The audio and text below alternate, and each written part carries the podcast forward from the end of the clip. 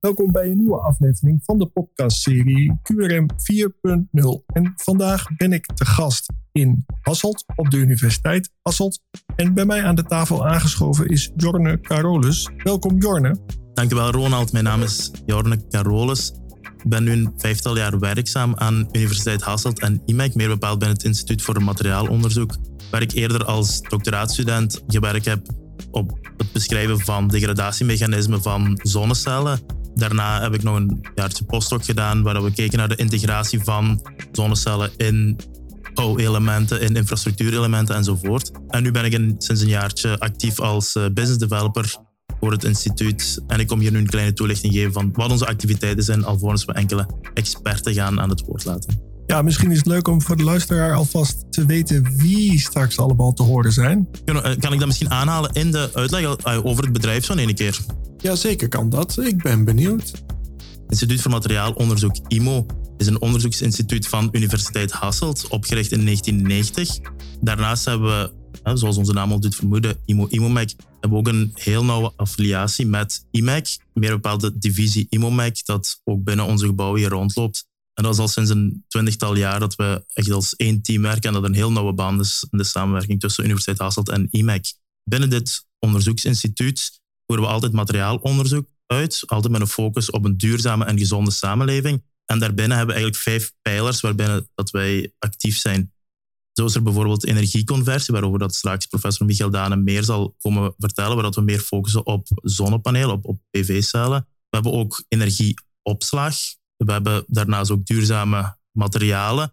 Binnen dat topic zal straks professor Wim de Ferme iets meer komen vertellen. En daarnaast hebben we nog biosensoren en kwantumtechnologie die rechtstreeks in ons interessegebied zitten. En daar onderzoeken wij dus eigenlijk de, de, de materialen, materiaalsystemen van morgen voor. Nu, het unieke aan ons onderzoeksinstituut is dat hier eigenlijk meerdere departementen binnen de universiteit, meerdere faculteiten samenwerken. Zo werken binnen dit, dit ene gebouw werken er chemici, fysici en ingenieurs samen om die materialen eigenlijk te gaan ontwikkelen. En dat maakt eigenlijk dat we een heel mooie, eigenlijk een volledige waardeketen dekken van vrij fundamenteel onderzoek tot en met prototyping en, en toegepast onderzoek.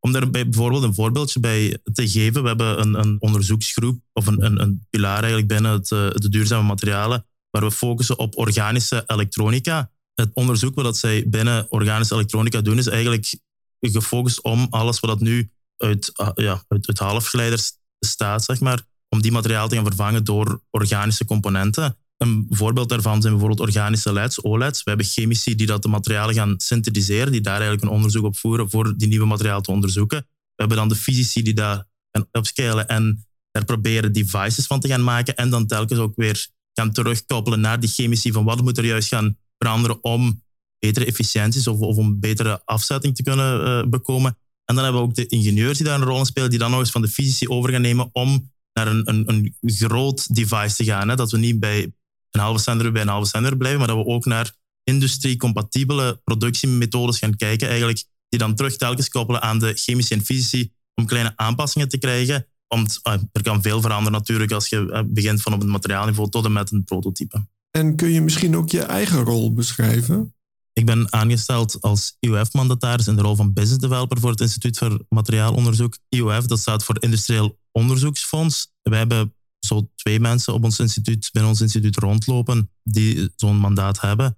En onze doelstelling trouwens van het hele IOF is om zoveel mogelijk onderzoeksresultaten, om onderzoeksactiviteiten te gaan valoriseren. En dat valoriseren dat kan in, op meerdere manieren. Denk daarbij aan IP genereren, aan het octrooieren bijvoorbeeld van bepaalde resultaten, bepaalde ideeën die dat hier ontstaan zijn. Maar ook spin-offs, spin-offs meehelpen begeleiden of onderzoeksprojecten uh, meehelpen uitschrijven, meehelpen initiëren, een consortium daarvan samenstellen van, van verschillende partners die daarin in kunnen bijdragen. Maar ook, en dat is iets wat niet zo ingebakken is in, het academie, in de academische wereld, dat is wetenschappelijke dienstverlening. En dat is net ook de rolverdeling tussen Lieve, mijn collega Lieve, en mezelf. Waar dat Lieve meer gaat focussen op de Europese projecten of de Vlaamse projecten, de, de gefinancierde projecten, is mijn rol binnen het instituut meer de één op één dienstverlening, contractonderzoek met innovatieve bedrijven die met de academische wereld willen samenwerken. We hebben elkaar voor het eerst ontmoet op de kunststoffenbeurs in Den Bosch. Daar vertelde ik over het QRM 4.0 project. En jij wist meteen, oh, Quick Response Manufacturing en Industry 4.0. misschien is het voor de luisteraar interessant dat je uitlegt waarom wij nu samen dit gesprek voeren. Zoals ik al zei, we, we, we focussen echt binnen ons instituut op onderzoeksprojecten. Maar dat zij de experten wel meer kunnen gaan komen vertellen over, over hun, hun linken met quick response manufacturing en industrie 4.0, waar dat ze zeker een, een, een, belangrijk, een belangrijke poot in hebben. Daarnaast is de dienstverlening, die ik zo net al eventjes heb aangehaald, is een belangrijke poot binnen ons instituut, waar dat we heel nauw samenwerken met bedrijven om hen te helpen met de allerhande problemen die, dat, die dat zij tegenkomen. Nu, dat is eigenlijk komen vanuit het idee dat als onderzoeksinstelling hebben wij zeer dure infrastructuur, state-of-the-art infrastructuur, om al het projectwerk dat we, dat we uitvoeren, om dat uit te voeren. En dat maakt eigenlijk dat het heel dure toestellen zijn, dat het onderhoud daarvan ook vrij duur is. En dat daarnaast de, de mensen die daaraan werken, dat zijn specialisten, dat zijn echt wel experten in hun gebied, dat zij natuurlijk ook betaald moeten worden en bijkomende opleiding moeten krijgen. Dus vanaf het begin van de oprichting van het instituut is eigenlijk ervoor gekozen om buiten de projecten heen ook samen te werken met industrie, die ofwel hier, hier in de buurt ligt, maar ook, ook grotere bedrijven internationaal, om hen te helpen met gewoon contractonderzoek, één op één dienstverlening, zeg maar. En dat, dat gebeurt eigenlijk op dezelfde, met dezelfde intentie als ons heel instituut eruit, waar dat chemici, fysici en ingenieurs samenwerken om hun problemen of, of om hun ontwikkelingen eigenlijk uh, op te lossen. We zijn daarin verdeeld in, in vier groepen eigenlijk, hè, waar dat we enerzijds een, een chemisch, uh, chemische expertengroep hebben, waar dat professor Wouter Marchal uh, zo dadelijk ook nog wel wat meer over komt vertellen over de analyses die dat zij doen. Denk daarbij aan high-end NMR-toestellen of infraroodspectroscopie voor de identificatie van materialen. Daarnaast hebben we ook een, een groep die dat bezig is met microstructurele studies. Denk daarbij aan elektronenmicroscopie of binnenkort hebben we ook een extrale CT-scanner die dat een heel object 3D kan, kan scannen en eigenlijk niet destructief kan, kan slicen zoals ze dat in, de ziekenhuizen doen. Om eigenlijk in het, in het device of in het, in het materiaal te gaan kijken. En dan hebben we nog de, de EMAP-onderzoeksgroep die voornamelijk bezig is met thermische en eh, elektrische karakterisatie van zowel systemen als materialen. En een vierde groep die structureel hierop aangesteld is, is voor een mechanische en fysische karakterisering weer van zulke systemen.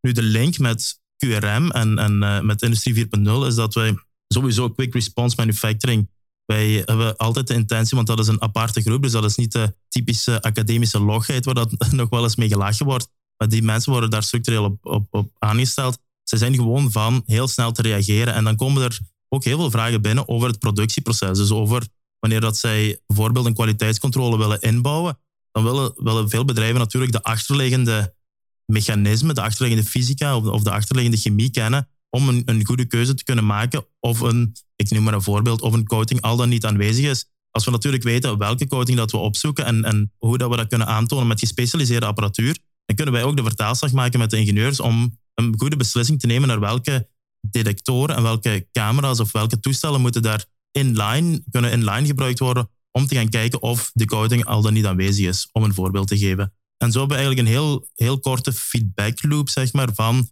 die ingenieurs, fysici en, en chemici, waar dat we eigenlijk eh, het bedrijf proberen zo goed mogelijk te ondersteunen in, een, in het smart maken van hun producten, maar ook in het productieproces voor de luisteraar die denkt: hey, dit is precies wat ik zoek. Kun je kort aangeven hoe mensen contact met jou kunnen opnemen? Wel, contact opnemen kan via e-mail. Denk ik dat het de eenvoudigste is. jorne.carolus.uhassel.be. Maar ik ben ook actief op LinkedIn en sociale media. Dus uh, de mensen mogen mij altijd toevoegen om hun vragen door te sturen of om eens een bezoek te brengen aan ons instituut. Om uh, meer info te krijgen over de onderzoeksdomeinen, maar ook over de dienstverlening, de services die dat wij kunnen aanbieden aan hun. Heb ik nog iets niet gevraagd of wil je nog wat toevoegen? De vier genoemde onderzoeksgroepen die bezig zijn met die structurele dienstverlening, ze hebben voornamelijk een focus op haalbaarheidsstudies, ondersteunen in productontwikkelingen, dat ze eh, bezig zijn met, met materiaalkeuze voor producten zelf, maar ook productieoptimalisatie, kwaliteitscontrole, falingsonderzoek. En dat gaat zelfs tot het transport en, en de verpakking ervan. En Jorne, mag ik nog eens een heel andere vraag stellen? En die heeft te maken met het wereldwijde chiptekort op het gebied van elektronica. Hebben jullie daar ook last van? Wel, wij verkopen aan zich geen producten of hè, we hebben de, de elektronica niet nodig voor onze producten zelf. Maar wat wij wel merken, wij ondersteunen heel veel chip- en elektronica-leveranciers in hun onderzoek of in hun kwaliteitscontrole. En dat maakt natuurlijk dat chips die ons al maanden geleden toegezegd zijn, dat, dat, we zien dat die, dat die nu pas eigenlijk terechtkomen. Dus we, merken indirect eigenlijk wel dat er een, binnen dat wereldje, of hè, dat er uh, grote, grote vertragingen zijn. Nu ook naar werking heeft dat voor ons wel een paar enkele consequenties. Want waar dat ze daar dus de tijd verliezen om, hè, in, in, in, terwijl ze aan het wachten zijn op het binnenkomen van, uh, van de chips of van, van de halfgeleidermaterialen, dat willen ze bij ons natuurlijk er gaan afknabbelen. Dus wij merken wel dat natuurlijk, waar dat ze daar al, al lang zitten te wachten, dat wij in plaats van een, een responstijd van, van enkele weken, dat we teruggedrongen worden naar hè, dat ze het gaan vragen op enkele dagen. Maar los daarvan denk ik niet dat wij veel te klagen hebben. Nu zijn onze luisteraars vooral geïnteresseerd in oplossingen op het gebied van uh, quick response manufacturing en industrie 4.0. Kun je samenvattend nog eens uitleggen waar jullie kracht zit? Door onze snelle responstijd en, en onze diepgaande expertise kunnen wij klanten natuurlijk snel verder helpen en een ja, besparen van tijd en, en zorgen. Eigenlijk hè, als, als universitair onderzoeksinstituut maakt dat ook dat wij, wij zijn onafhankelijk. Dus uh, vaak kiezen onze klanten eigenlijk ook voor ons, omdat ze dan ze hebben, uh, moeten geen schrik hebben dat wij hun productie gaan overnemen of dat wij een, een product op de markt gaan brengen die dat eigenlijk hun, hun IP of hun IP gaat daarbij niet in gedrang komen. Nu, IP, dat is natuurlijk iets wat wel zeer zwaar aan getild wordt binnen dit bedrijf, zeker binnen de innovatieve bedrijven, hè, die, die zelf een, een onderzoek, een R&D in huis hebben. Maar ook om, om dat eigenlijk te regelen, worden wij gesteund hier door Tech Transfer Office binnen de Universiteit Hasselt. Dus wij, mijn collega Lieven en ik, we staan een beetje tussen de experten en de juridische dienst in, om eigenlijk zoveel mogelijk van ons onderzoek buiten te krijgen en dat dan ook wel op de terms van de, van de bedrijven, zeg maar. Hè, zodat eigenlijk de NDA's en, en alles wat dat, de contracten, zodat dat juist afgehandeld wordt en zodat de bedrijven ja, op beide oren kunnen slapen als ze naar ons komen met een probleem of iets dat ze willen gaan, gaan ontwikkelen. Want dat, is, dat ligt vaak gevoelig. Afsluitend vraag ik altijd aan mijn gesprekspartners waardoor zij geïnspireerd worden. Dat kan zijn een boek, dat kan een film zijn, eh, misschien een YouTube-kanaal. Wel, ik heb laatst de wereldberoemde 1984 van George Orwell gelezen, enkele maanden terug. Dat is, ja, gaat over een man die in een totalitair regime eigenlijk zit en uh, het daar altijd niet, niet even nauw bij meeneemt. En ik vind het eigenlijk wel chockerend hoe dat. Er worden bepaalde methoden voorgesteld, hoe dat ze uh, de mensen kunnen controleren, maar ook kunnen hersenspoelen. En het is eigenlijk met dat wij onze schermen en onze sociale media en eigenlijk alles, al onze gegevens eigenlijk open en bloot gooien. Maar om een paar aantal zaken toch wel uh, tot het denken gezet dat we zelfs niet in een totalitair regime moeten leven om, daar, om daar wel we hebben in ieder geval het gevoel dat we vrij zijn. En ja, dat, dat, dat, dat zet, heeft me aan het denken gezet, ja. Welke podcastseries luister jij zoal? Wel, de laatste tijd heb ik wat minder podcasts geluisterd. Ik was altijd gewoon van ze in de wagen te luisteren onderweg naar het werk. Door corona eh, heb ik een heel tijdje van thuis uit moeten werken. En ik heb dat, sindsdien heb ik die, die goede gewoonte nog niet opgepikt. Wat zeker nog altijd op mijn lijstje staat, dat is Nerdland van Lieve Scheire. Dat is eerder over wetenschap en technologie, waar ze de laatste weetjes bespreken met enkele, er zijn ook wel experten bij die daar ook een, een mening over uiten. En daarnaast ook Welcome to the AI, dat is een gewone babbel eigenlijk onder leiding van Alex Agnew, die dat mensen uitnodigt om ja, te babbelen over actualiteit of over bepaalde expertise of over hun leven of waar dat het eigenlijk ook naartoe gaat. En dat zijn eigenlijk twee interessante podcasts die vroeger wekelijks op of maandelijks op mijn lijstje stonden, dat nu een klein beetje weggevallen is. Ja, snap ik. En ja, mijn afsluitende vraag, die hebben wij eigenlijk al beantwoord. Want mijn afsluitende vraag is altijd, naar wie zou jij graag eens willen luisteren in deze podcastserie? En nu hebben wij op, dit, op deze dag hebben wij meerdere gesprekken gepland. En ik vind het dan leuk dat jij vertelt wie in de volgende afleveringen te luisteren zijn. Wie dat ik denk dat in ieder geval een leuke link hebben met Quick Response Manufacturing. Dat zijn mijn collega's Michael Dane, Wim de Ferme en Wouter Marchal. Michael Dane die focust zich voornamelijk op het integreren van zonnecellen, van, van materialen in infrastructuurelementen, maar ook in bouwelementen. Hij is heel nauw betrokken binnen Energyville, waar dat IMEC uh, en UHasselt samenwerken rond een, zonnecelonderzoek. En is ook aangesteld als hoogleraar uh, binnen Universiteit Hasselt. Wim de Ferme heeft voornamelijk expertise rond, kort, in kort gezegd, rond uh, inkjet printing, spraycoating en safe drukken. Dat zijn drie technieken die heel veel gebruikt worden in de industrie. En zijn rol binnen dit instituut is dan ook proberen om eigenlijk een, een, een link te leggen tussen het onderzoek dat hier gebeurt binnen het instituut en de bedrijven die dat, dat nodig hebben. Want hij, hij zorgt eigenlijk net voor die uh, industrie-compatibele methode om bepaalde lagen of coatings af te zetten. En daarnaast is hij ook aangesteld als hoofddocent binnen Universiteit Hasselt. En als derde spreker hebben wij Wouter Marchal. Hij is het, het hoofd van de analytische chemiegroep. Zij, naast het, het academisch onderzoek hebben zij een, een zeer belangrijke poot in, het, in de chemische karakterisatie om producten of materialen eigenlijk te gaan verbeteren, zeg maar, of om problemen in het productieproces op te lossen. En hij is ook aangesteld als docent binnen Universiteit Hasselt.